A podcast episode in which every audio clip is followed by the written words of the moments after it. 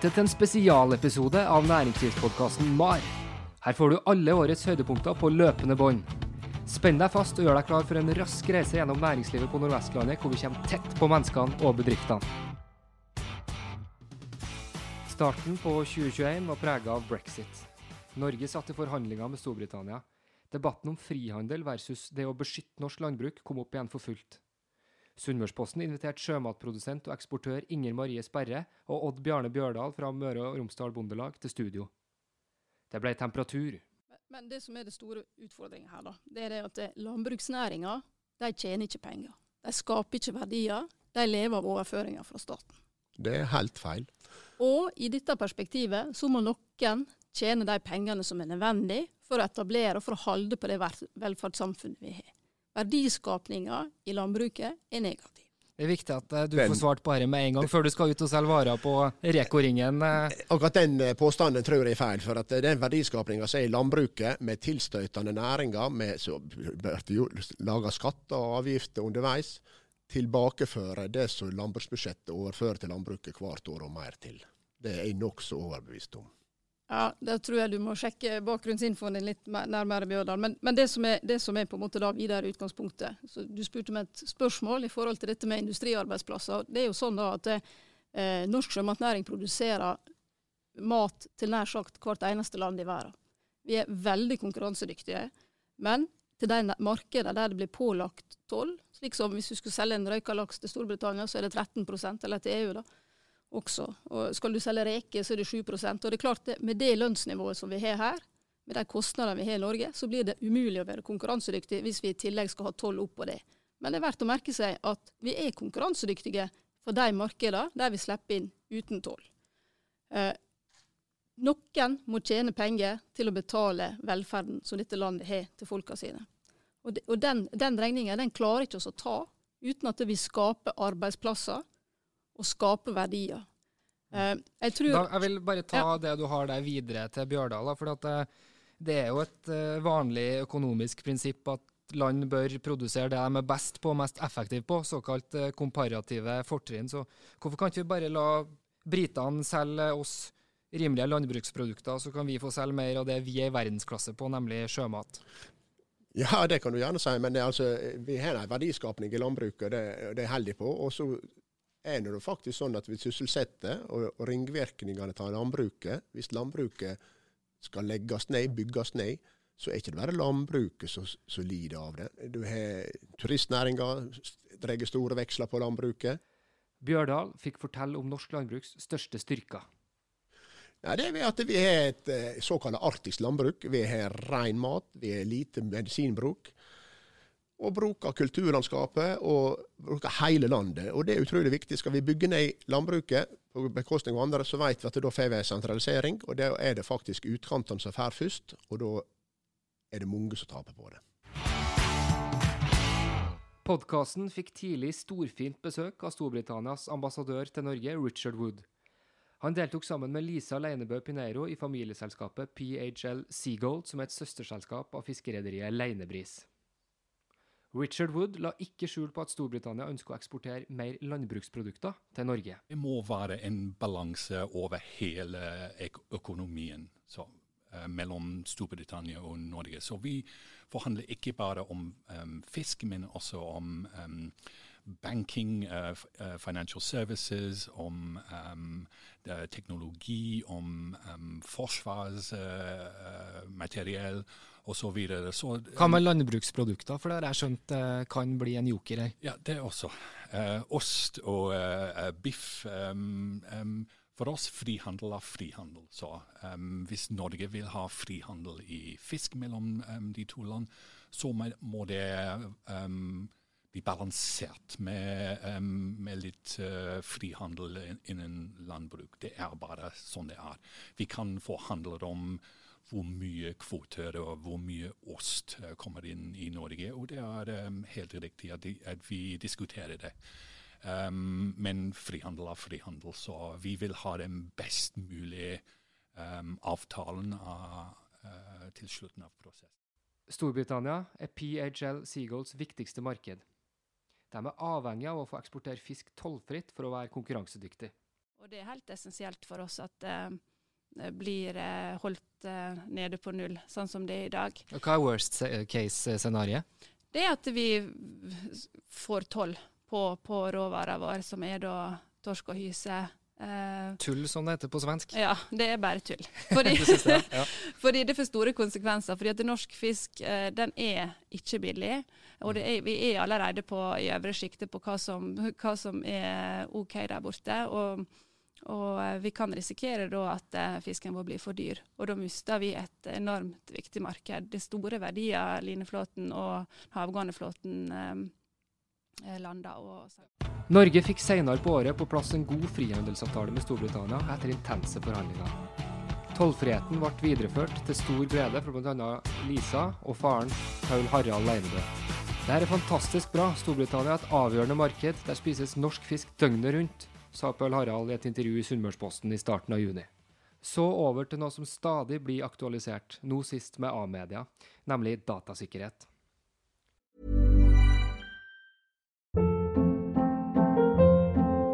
Hold up. What was that? Boring. No flavor. That was as bad as those leftovers you ate all week. Kiki Palmer here, and it's time to say hello to something fresh and guilt-free. Hello Fresh. Jazz up dinner with pecan-crusted chicken or garlic butter shrimp scampi. Now that's music to my mouth. Hello Fresh. Let's get this dinner party started. Discover all the delicious possibilities at hellofresh.com. Hi, I'm Daniel, founder of Pretty Litter. Cats and cat owners deserve better than any old fashioned litter. That's why I teamed up with scientists and veterinarians to create Pretty Litter. Its innovative crystal formula has superior odor control and weighs up to 80% less than clay litter. Pretty Litter even monitors health by changing colors to help detect early signs of potential illness. It's the world's smartest kitty litter. Go to prettylitter.com and use code ACAST for 20% off your first order and a free cat toy. Terms and conditions apply. See site for details. Firmaet Ålesund Data inngikk i år flere avtaler med marine og maritime selskaper, deriblant Sølvtrans, om å beskytte dem mot dataangrep. Roar Pedersen fra Ålesund Data og Robin Halsebakk fra Sølvtrans gjesta MAR. Jeg spurte Pedersen i hvilken grad digital sårbarhet har vært et tabubelagt tema blant norske bedrifter. Tabu, det har jo vært eh, svært passende eh, å bruke om dette temaet her. For det er jo klart at det er ikke lenge siden i utgangspunktet det ikke var snakk om at man skulle rapportere at noe hadde skjedd.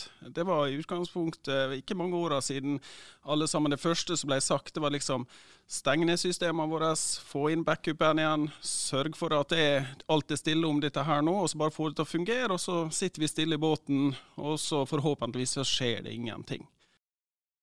Ransomware er jo selvfølgelig nummer én. Altså, Vi ser jo det sjøl. Ja, ransomware, hva betyr det? Hvordan skal vi oversette? det? Ja, Ransomware er vel å i utgangspunktet ta alle dataene til et firma, komme inn i systemene og kryptere dem ned, som gjør at man får ikke tilgang til sine egne data. Så man tar et slags gissel, da? Ja, dette er gissel. Rett og slett. De tar dataene dine som gissel, og så sier de at betal oss så og så mange bitcoins eller et eller annet eh, for å åpne opp igjen. ditt, skal du få en kode. Den er lang og ond. Eh, og den i utgangspunktet da, da, da får du tilbake dataene dine. Det er jo klart at de forteller jo ikke hele sannheten, for det er som ofte så får du mye mer enn bare dataene dine tilbake. Du får mange flotte bakdører inn i systemet, og du kan aldri, aldri stole på de dataene du får tilbake. Du må gjøre en veldig stor jobb for å bli kvitt det som du får med på kjøpet, da, når ja. det først har vært et angrep. Men det er jo klart at ransomware ukentlig her på Sunnmøre. Robin, hvilke forventninger har dere til Ålesund Data nå? Nei, Vi forventer at med dette samarbeidet at, eh, at de ivaretar datasikkerheten vår. Det er jo klart at eh, vi, vi sto jo mellom å, å, å kjøre inhouse og ansette egne typer de stillingene som du, eh, du ramsa opp der, eller å outsource det til, til, til de som kan det. Og, og, det som er litt altså det som er skummelt med dette her med denne her verden som man ikke kjenner til, det er jo nettopp det at man, man kjenner ikke til det. Man har ikke noe begrep om hva det, hva det handler om. Og, og, man vet ikke hvem det er. Det kan være hvem som helst. Og Roger var jo, eh, og Sølvtrans var jo vel en av de absolutt første kundene til, til Ålesund Data, om ikke den første. Så, så, så, har det vært fokus hele veien. Og, og det er noe vi prater om eh, både på hytta og, og hjemme og, og, hvor som helst, egentlig. Og passe på at det er et, det er et fokus på, på, kontoret. og at vi klarer å, å kommunisere det ut til, til de seilende så de ser ut på båtene, de som er drivere av, av skipet ute, ute i Norge, Skottland, Tasmania, Canada, Chile. Da Norge stengte ned 12.3.2020, hadde vesle kaffebrenneriet Jaku i Ålesund to valg. Å sette seg ned og håpe på det beste, eller å kline til digitalt. De valgte det siste. Da stengte alle kafeer og kaffebarer, og, vi, og det var 97% av vårt marked da. Såpass, ja. Mm. Så den dagen der i mars, når det skjedde, så, så, tenkte vi faktisk veldig fort vi da at det greit, da må vi selge våre produkter direkte til kundene som sitter hjemme, istedenfor disse her fra før hadde de vært redd for å selge for mye direkte til forbrukerne av frykt for å ødelegge for serveringsplasser de samarbeider med. Eh, så vegrer man seg litt for å, å begynne å tråkke i bedda til de som er så veldig viktige kunder for oss. Sant? Vi vil jo ikke at, det, eh, at, de som er vant til å kjøpe kaffen sin på en, eh, den lokale kaffebaren, plutselig kommer til den lokale kaffebaren og sier nei, men nå trenger jeg ikke dere mer, for jeg bestiller direkte fra Jaku. Det var liksom skrekk. Det ville ikke vi, da. Sant? Men da dette skjedde, så ble det litt sånn å ja, men når de stenger, da, da alle, Nå skjønner jo alle at her må jo man bare selge i de veiene man kan. Den 12. mars, da på en måte alle bremser på. Uh, nå mister vi alt marked, vi må permittere, vi må stenge. All, alt sånn som alle tenkte. Og så varte det i et par timer før på en måte det tok av på nettsalg, da. Jo, helt konkret for oss så, så, handler det om å putte penger på de kanalene, da. Doktorgradsstipendiat Njål Sivertstøl fra NTNU satt og nikka i studio. Han synes Jaku sin omsetningsøkning under pandemien er imponerende. Når kunder går på kaffebar og kjøper kaffe, så er det ikke bare kaffen seg sjøl, men det hele opplevelsen med å sitte der ute blant folk og se og bli sett, eh, og være en del av menneskeheten. Nå har du kanskje ikke den samme muligheten til det. Da ønsker folk å prøve å skaffe seg den samme opplevelsen hjemme. Eh, så det er én ting, opplevelsen i forhold til kaffen. Men en annen ting som, som er ekstremt viktig her, er jo kundeopplevelsen også når det gjelder hvordan de kan interagere med dere som selskap. Sant? Hvordan er nettsidene deres? Du snakker mm. masse om Instagram-kontoen deres her, mm. bilder dere legger ut. Eh, den opplevelsen der de kunne få en god opplevelse når de handler hos dere, det er ekstremt viktig. Og jeg tror de som klarer det, eh, det er de som vil eh, vil lykkes. Og her, til grunn for det, så ligger jo også dette med å klare å sette seg inn i kundens situasjon, mm. utvikle empati med kundene. Fysioterapeut Sigurd Groven ble alvorlig og livsvarig skadd under en terrengsykkeltur. Så uh, kom jeg da i full fart mot uh, det ene treet der og skjønte jeg kom til å treffe det. Og sånn instinktivt, så for å beskytte ansiktet, så dukka jeg liksom uh, hodet ned. Og, og, da traff jeg treet med veldig stor kraft. Med en gang jeg landa, så, så, tenkte jeg bare at nå er, nå er jeg lam. For det Eh, hadde en følelse av at eh, Hendelsen bana etter hvert vei for en kraftfull gründersatsing. Groven og selskapet Exotec vant 17.3.2021 gründerkonkurransen Næringsteft for sitt nye terrenggående kjøretøy. Det å være ute i, i, naturen det er en ting som er veldig viktig for meg. Så, så jeg begynte med en gang å, å søke etter um, uh, ulike typer hjelpemidler. Både armsykler, men også et terrenggående kjøretøy. Armsykler er, er veldig fint treningsverktøy, men litt mer begrensa i forhold til fremkommelighet. da. Eller ja, ganske mye mer begrensa. Så jeg orienterte meg på markedet og liksom fant ingenting som jeg følte var helt bra nok, men endte opp med å kjøpe en sånn Doktorgradsstipendiat ved NTNU, Mari Liavåg Holm, har forska på gründerprosesser. Jeg spurte om hvor vanlig det er at ideer kommer på bakgrunn av et selvopplevd behov. Jo, det tror jeg er ganske vanlig. Altså, det er noe med det er vanskelig å på en måte generalisere veldig, men det vi vet er at det, um, det er gjerne når man kjenner noe sjøl på kroppen, da, et behov på kroppen, at man um, finner de gode ideene. Holm har som en del av forskninga sett på hva gründere føler, og hvilke følelser som gir framgang. Hun har sett tenkt at også negative følelser kan være nyttig. Muligens kan de negative emosjonene egentlig være ganske produktive i disse eh, prosessene. Da. At det, når man eh, opplever en sånn negativ stemning, så kan det kanskje være et varsel om at det, her er det et eller annet som ikke stemmer. Vi, og det ser vi også i annen forskning at, at man snakker om. Eh, men også at man liksom Og så tenker jeg at det, det er viktig å få frem da at det, um, da, da, handler det også om et veldig sånn stort eget arbeid i å, i å holde seg sjøl oppe. da.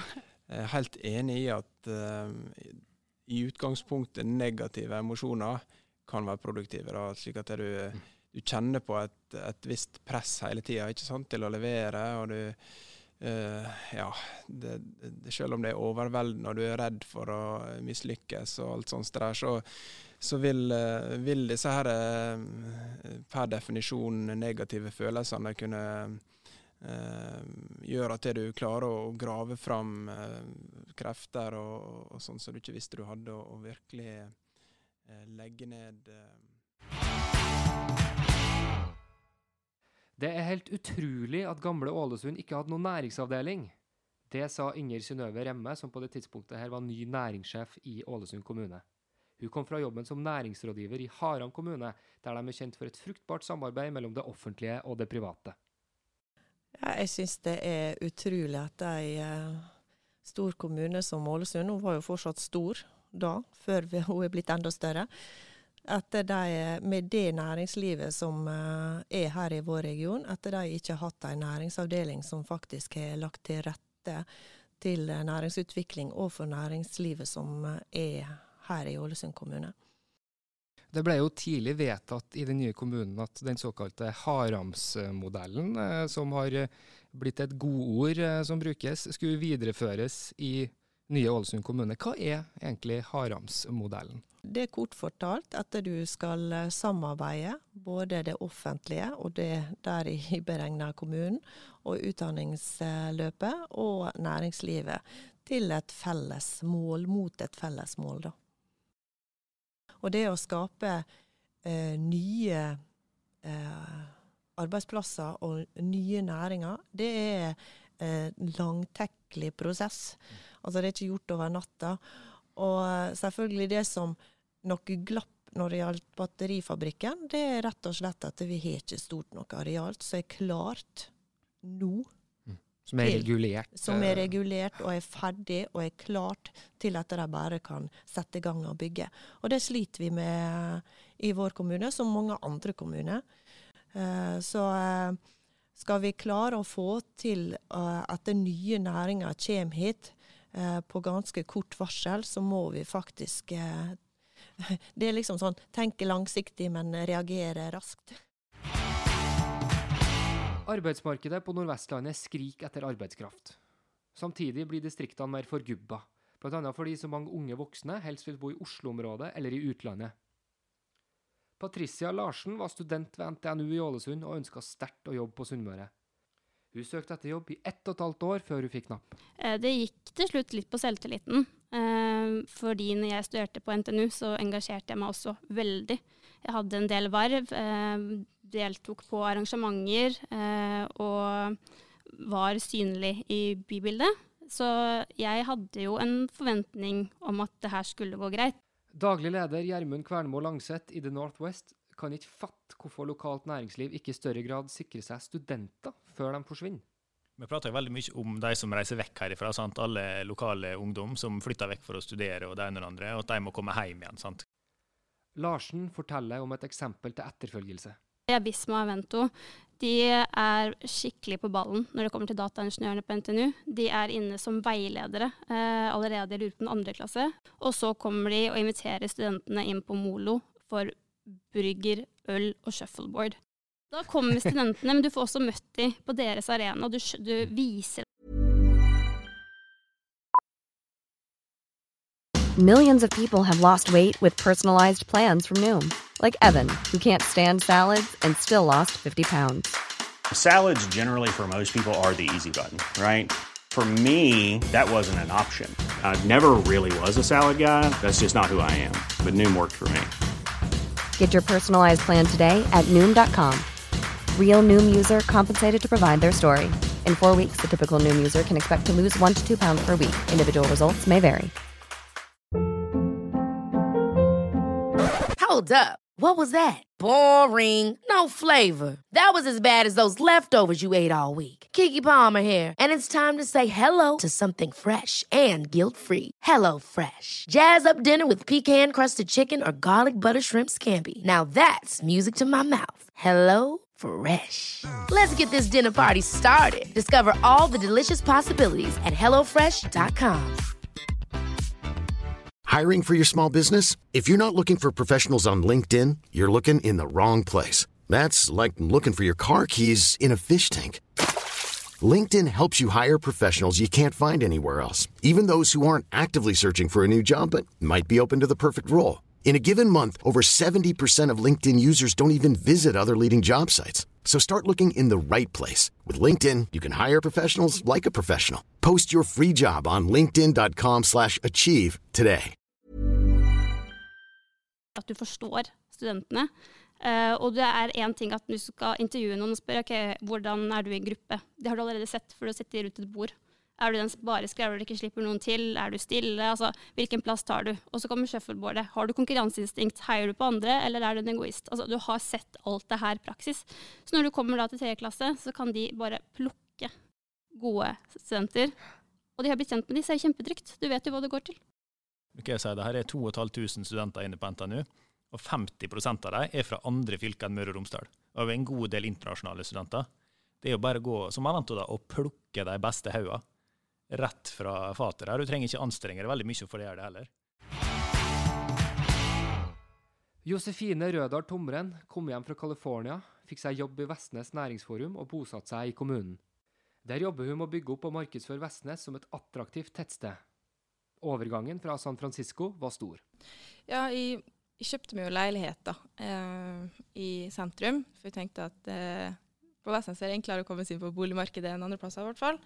Men i det bygget da, så er det jo Ja, de fleste er over 80 år. Um, og det er jo noe som merker når han på en måte går rundt. Det er jo veldig koselig det når du stopper i gangen. Og ja, det står en rullator eh, ja, ja, i oppgangen, en, liksom? Ja, ja, det gjør det. Og lukter kjøttkake i hele bygget. Men det er jo veldig koselig. Men det er jo veldig sånn blir veldig påminnet hvor du er, da. Ja. Har du lov å ta deg en skikkelig fest, da, eller blir det eh, klager ja, og helseproblemer? At, nei, det har jeg fått beskjed om at jeg bare tar en fest, men hører ikke med, så det går bra. Josefine Tomren forklarte at på bygda må man skape aktivitet sjøl. Man er i større grad produsent framfor konsument. Jeg elsker den følelsen, og syns det er veldig Ja, jeg føler meg verdsatt, da. Mm. Eh, selv om ikke folk sier det, og det, du har nå bygdedyret, selvfølgelig, så hvis du stikker det for mye fram òg, så får du høre det òg. um, men eh, jeg velger å ikke bry meg om det. ja, har du fått hørt ting som du har vært nødt til å ignorere? Eh, ja, eh, det har jeg nå. Det er nå f.eks. at eh, eh, fortjener denne jobben her. Hadde det vært noen bedre som har vært Har du fått spørsmål om det? Mm. Fortjener nå du virkelig den jobben her. Ja, og, eh, ja, og hva, hva, Har du fått noen spørsmål om at du er så ung, kanskje? Det Ja. Så det er jo vi får høre det, da. Og jeg tror nok det er nok det samme i byen, da. Eh, men da får du ikke høre det, da. Du har sagt litt om eh, forskjellen på å bo i Vestnes kontra Oslo. Hva med kontrasten fra, fra San Francisco og Vestnes? Hva er de største forskjellene der? Det er noe, altså Folk er jo helt annerledes, da. Du har noe mer at uh, Her er det jo mer jantelov, uh, mens der borte er det hvem som på en måte snakker høyest og på en måte kommer seg fram. da. Og, ja. Uh, og du må være sånn. Det er jo den største forskjellen. da, At der skal du tro at du er noe, her skal ikke du tro at du er noe. I slutten av juni 2021 så det langt lysere ut for de næringene som på sett og vis ble stående i kulda under det første året med pandemi, deriblant reiselivsnæringa. Hotellsjef Ina Eldøy og sjef for Destinasjon Ålesund og Sunnmøre, Tom Anker Skrede, var enige om én ting. Statens støtteordninger hadde ikke truffet på langt nær godt nok så langt. De som jeg, eh, sitter på, på, Stortinget eller i, i og utvalg, har ikke helt skjønt hvordan næringa vår fungerer. Og så har vi nok vært litt for blåøyde eh, næringa på, på, at vi har trodd at de har forstått. Um, Og når kompensasjonstiltakene da kommer, så ser vi at det er ja, Enkelte har jo opplevd at de har, de, de har tapt mer på å være en del av kompensasjonsordninga enn om de hadde latt være. Altså, jeg tror jo dessverre at den modellen som vi alle er så fornøyd med, LO, NHO, måten vi jobber sammen, altså næringsliv og arbeidstakerorganisasjoner Trepartssamarbeid, ikke det? Trepartssamarbeid. Ja, det har gagna det norske samfunnet, og, og, og, jeg har troa på det. Men i denne pandemien, vi har aldri vært i en pandemi før, vi har aldri vært i situasjonen, så syns jeg man rir litt for mye på gamle kjepphester. Mm. Eh, og skal slåss. altså sånn to dagers varsling, arbeidsgiverperioder. Altså man, man klarer ikke å riste av seg det gamle. Og jeg er jo såpass eh, frekk og tydelig at jeg sier jo det er jo noe med å ha vært der ute og jobba i det siste, da. Og kjent det på kroppen. Ja, da, sånn, sånn summa summarum så ville det vært eh, Og dette tror jeg ikke gjelder bare for reiselivet, men, men eh, det hadde vært langt bedre å ha dem, dem ansatte i jobb men med en, en form for lønnskompensasjon, enn at man skal sitte hjemme eller man, hvor man nå er, og heve den samme lønnskompensasjonen. Da. Men er ikke litt av poenget at dere ikke har vært i jobb? Altså, Hva skal folk gjøre når ikke gjestene har lov å komme? Male rom, rydde i hagen, eh, ja, er... gå kurs. Mm. Ja, vi, Det har jo vært jobba masse med, med, kurs og kompetansehevende tiltak eh, som man, eh, vi ønsker at hele næringa skal ta, ta, del i. Eh, vi har masse, masse arbeid som kan gjøres ut mot eh, det internasjonale markedet, for de kommer jo tilbake. Mm. Altså, Vi skal jo tilbake til normalen og bli en bedre utgave av oss sjøl. Et av de største næringspolitiske stridstemaene før stortingsvalget i høst, det var handelsbetingelser generelt og EØS-avtalen spesielt. Venstres Lena Landsverk Sande hadde i en kronikk skrevet følgende. I Møre og Romsdal er 30 000 arbeidsplasser direkte eller indirekte knyttet til eksport. De vil ikke jeg risikere. Vil Sps Jenny Klinge det? Klinge stilte debatt mot Sande hos Sunnmørsposten, og hun svarte slik på spørsmålet. Nei, i høyeste grad ikke. Og det er jo det som eh, jeg tykker er litt sånn trist i denne debatten, da, er at det blir framstilt som om vi sånn rent hasardiøst skal kaste norsk næringsliv og norsk industri ut i skikkelig trøbbel. Eh, det vil vi jo ikke. Vi er skeptiske og kritiske til EØS-avtalen. Ønsker oss eh, primært ut av EØS og inn i andre handelsavtaler og samarbeidsavtaler med EU i stedet. Eh, men vi gjør jo ikke det uten at vi vet at vi har bedre alternativ. Og Det som er det grunnleggende prinsippet for oss, det er jo det her med den nasjonale sjølråderetten.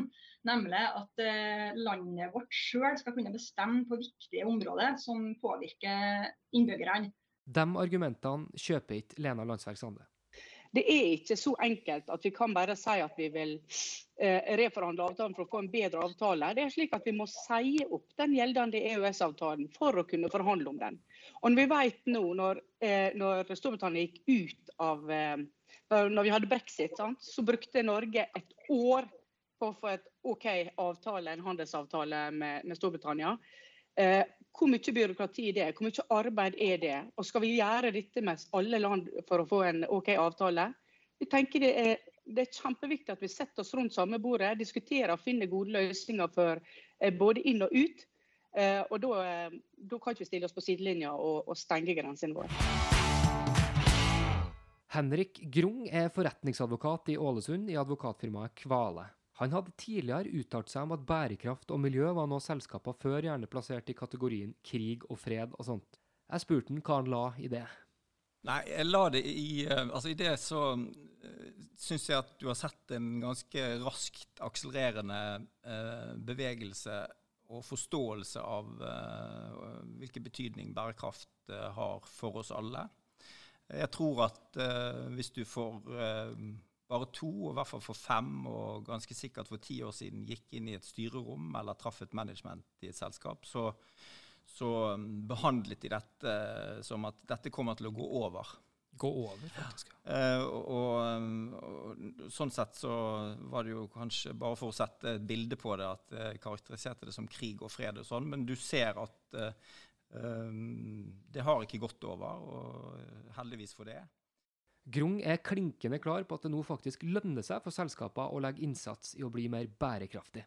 Så ser vi også at uh, næringslivet er begynt å forstå at det å uh, ha et perspektiv rundt ESG, bærekraft og sosial governance, det er lønnsomt. Japansk-kanadiske Brian Takeda er en ambisiøs gründer bosatt i Ulsteinvik, der han har stifta familie. Takeda roper varsku om at den livsviktige tareskogen på sjøbunnen i store områder av verden forsvinner. Tareskogen har rett og slett blitt gnafsa ned av kråkebollene, som har spredd seg eksplosivt. Det skyldes bl.a. at kråkebollene sine naturlige fiender er overfiska. Brian Takeda er i ferd med å bygge industri der man først sanker kråkeboller effektivt fra naturen, for deretter å feite dem opp og så selge dem til svært godt betalende markeder. I kråkebollerogn, når det er bearbeidet, da snakker vi om mellom 2000 til 9000 kroner per kilo. Hva sa du nå? Ja, det er 2000 til 9000 kroner per kilo som vi vet i sjømatnæringen, når kinesere begynner å spise sjømat, ja. da prisen øker betydelig pga. Eh, ja, etterspørsel. Og Det er det som vi ser, og, og derfor prisøkningen i kråkeboller har liksom, uh, rekordpris år etter år siden 2013. Takeda fortalte om forsøk utenfor Tromsø, der de har høsta kråkeboller og latt tareskogen komme tilbake igjen. Når du fjerner kråkeboller i løpet av fire-fem måneder, får vi litt av den uh, små vekst eh, på steinene. Men når solen kommer tilbake igjen, da har vi en eksplosjon av livet. Vi kan faktisk for, en, forandre en ørkensituasjon tilbake til en marin regnskog i løpet av seks-sju måneder. Og det her kan fiskerne være glad for? Absolutt, fordi egentlig tareskog er liksom den fundament av nesten alle livet som vi har i havet. Nesten alle fiskearter bruker tareskog som en plass å, å, å klekke egg og, og, og ha sine små fisk mm. og, og, vokse opp. Ja. Og, da går de ut i havet. ikke sant? Det står ikke på de finansielle musklene, skal vi tro Takeda. Men han skulle også gjerne hatt med det han kaller lokal, kompetent kapital fra marin næring. Ja. Så, så vi, vi, har eh, flere eh, gigantiske investorer som står bak oss. Så, så, det er ikke egentlig penger som er saken her. Mm. Eh, det er egentlig mer å finne det riktige samarbeidspartner som kan hjelpe oss å få vår forretningsmodell til å feste seg og begynne å, å restaurere tareskogen. Norsk sjømatnæring smadrer eksportrekorder på løpende bånd. Den går altså så det grin, men er utvilsomt også sårbar for internasjonale kriser. Sjømatanalytiker Finn Arne Egenes og lakseeksportør Botolf Stolt-Nielsen fortalte litt om hvordan storpolitiske kriser har skapt problemer innenfor to store og svært viktige markeder. Det ene er Kina, der Stolt-Nielsen sjøl var på reise da Nobels fredspris gikk til dissidenten Liu Xiaobo i 2010. Det er litt, eh, altså Kina tenker litt annerledes enn en eh, Norge. Eh, altså, Kina ser på dette som en politisk tildeling. Mm. Eh, mens eh, i Norge gjør vi ikke det. Og Kina blir informert om det. Men så, rett, rett etter tildelingen, da, så var, var eh, Stoltenberg på talerstolen med en forberedt tale. Så da oppfatter jo kineserne det som at, uh, at regjeringen var involvert i, i tildelingen. Og det, det forventer de altså det, må, det, er de vant med i Kina. Ja. Så det er nok litt, litt uh, ulike kulturer som, uh, som uh, krasjer litt. Det ble politisk iskaldt fra dag én. Fra dag én. Ja. Eh, og etter hvert så Norsk laks er det produktet som er best kjent i Kina. Og så Vi så jo egentlig at det ble hindringer i eksporten av norsk laks til Kina. Ja. Som ble større og større. Så åpnet det opp i 2017. Eh, fikk vi begynne å eksportere noe igjen. Men fremdeles er Kina utfordrende for, eh, for norsk laks. Så spurte han om Russland, som jeg trodde fortsatt var et viktig marked for norsk laks. Ja, det var viktig. Det var, Men i dag får ikke vi lov å eksportere noe til Russland. Nei, av sjømat. Se der, det er helt stengt. Uh, fortell litt mer om hva som har skjedd. finalen sier sånn. Ja, Da må vi spole tida tilbake igjen til 2014. Mm. 2012, 2013 og tidlig på 2014 så var jo Russland kanskje det største markedet, enkeltmarkedet for norsk uh, sjømat. Så var det utfordringene med Russland og Ukraina i forhold til annektering av Krimhalvøya, som gjorde at Russland innførte et importforbud på vestlige matvarer, som ble jo dramatisk da for norsk sjømat, fordi det var vårt største enkeltmarked. Eh, så for å gå tonnevis med både laks, sild og makrell inn til Russland, så ble markedet over natta stengt. Den populære venstreordføreren Alfred Bjørlo fra Eid kom i høst inn på Stortinget. Mannen bærer kallenavnet Distriktspsykopaten og er Nordvestlandets eneste politiker i Stortingets næringskomité. Bjørlo har tidligere vært innom på Stortinget som rådgiver. Han fortalte eh, nå i podkasten at han er sjokkert over hvor oppblåst sentralmakta har blitt siden da. Altså Det der med å være både kritisk mot makta, men samtidig framtidsoptimistisk, det har ligget veldig sånn under for meg at eh, vi må være begge deler. For vi må tørre å ta noen tøffe oppgjør med sentralmakta i Oslo når det er nødvendig. Og det er nødvendig, og kommer til å bli nødvendig fortsatt. Og det merker jeg jo bare nå de første ukene jeg kommer inn på Stortinget. Eh, det er jo enormt hvor det har blåst opp og vokst opp hele det her sentralbyråkratiet i, i Oslo. Eh, det har ikke slått meg hvor mye det, det har est opp, før jeg nå faktisk kom inn i det systemet sjøl. Det er et apparat under på 700 personer som har vokst og vokst og vokst. Tilsvarende finner du i departementer, i direktorater. Sånn at det å snakke om at det er en sånn makt boble i Oslo, det mener jeg er helt reelt. Og det er veldig sånn, vanskelig å gjøre noe med, men det preger på en måte hele mindsettet, for å si det på godt nynorsk. At du får så mange ulike faginstanser, eksperter og alt, som sitter tett på hverandre, eh, bygger hverandre opp, og, og, gjør at vi har fått et mer sentralstyrt og kan gjerne si tungrodd byråkratisk samfunn. Og Det er problematisk for Distrikts-Norge, og det er en av de kampene vi er nødt til å ta, som blir viktig òg i, i næringspolitikken. Utstyrsleverandøren Optimar er et av Sunnmøres mest profilerte selskap. Optimar landa i 2021 svære ordrer i det russiske markedet, hvor de har en solid posisjon. Global salgsdirektør Irene V. Mjelde og sjef for ombordmarkedet Viggo Brevik tok oss med på innsida.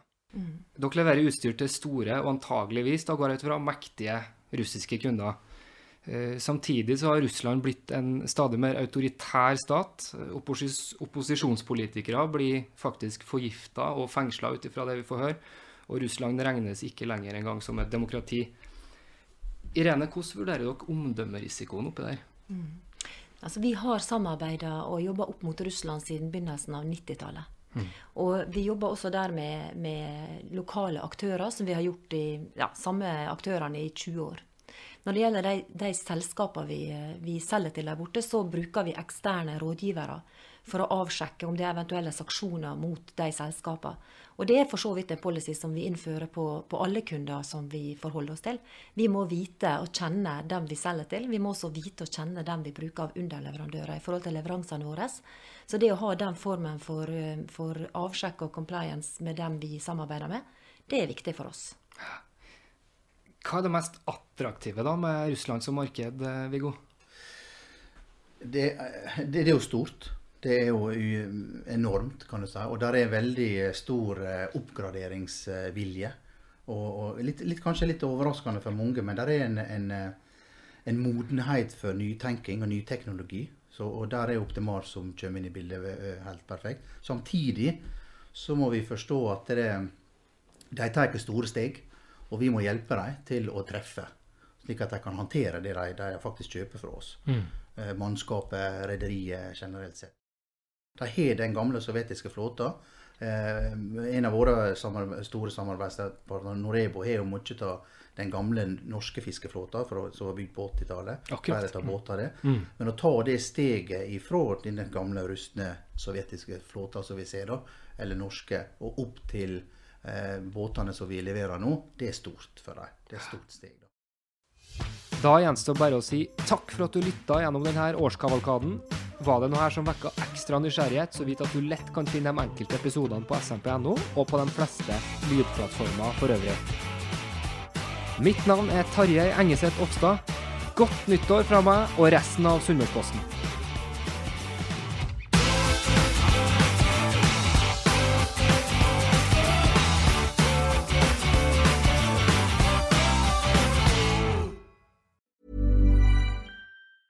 Planning for your next trip? Elevate your travel style with Quince. Quince has all the jet setting essentials you'll want for your next getaway, like European linen, premium luggage options, buttery soft Italian leather bags, and so much more. And is all priced at 50 to 80% less than similar brands. Plus, Quince only works with factories that use safe and ethical manufacturing practices. Pack your bags with high-quality essentials you'll be wearing for vacations to come with Quince. Go to quince.com/pack for free shipping and 365-day returns. Hi, I'm Daniel, founder of Pretty Litter. Cats and cat owners deserve better than any old fashioned litter. That's why I teamed up with scientists and veterinarians to create Pretty Litter. Its innovative crystal formula has superior odor control and weighs up to 80% less than clay litter. Pretty Litter even monitors health by changing colors to help detect early signs of potential illness. It's the world's smartest kitty litter. Go to prettylitter.com and use code ACAST for 20% off your first order and a free cat toy. Terms and conditions apply. See site for details.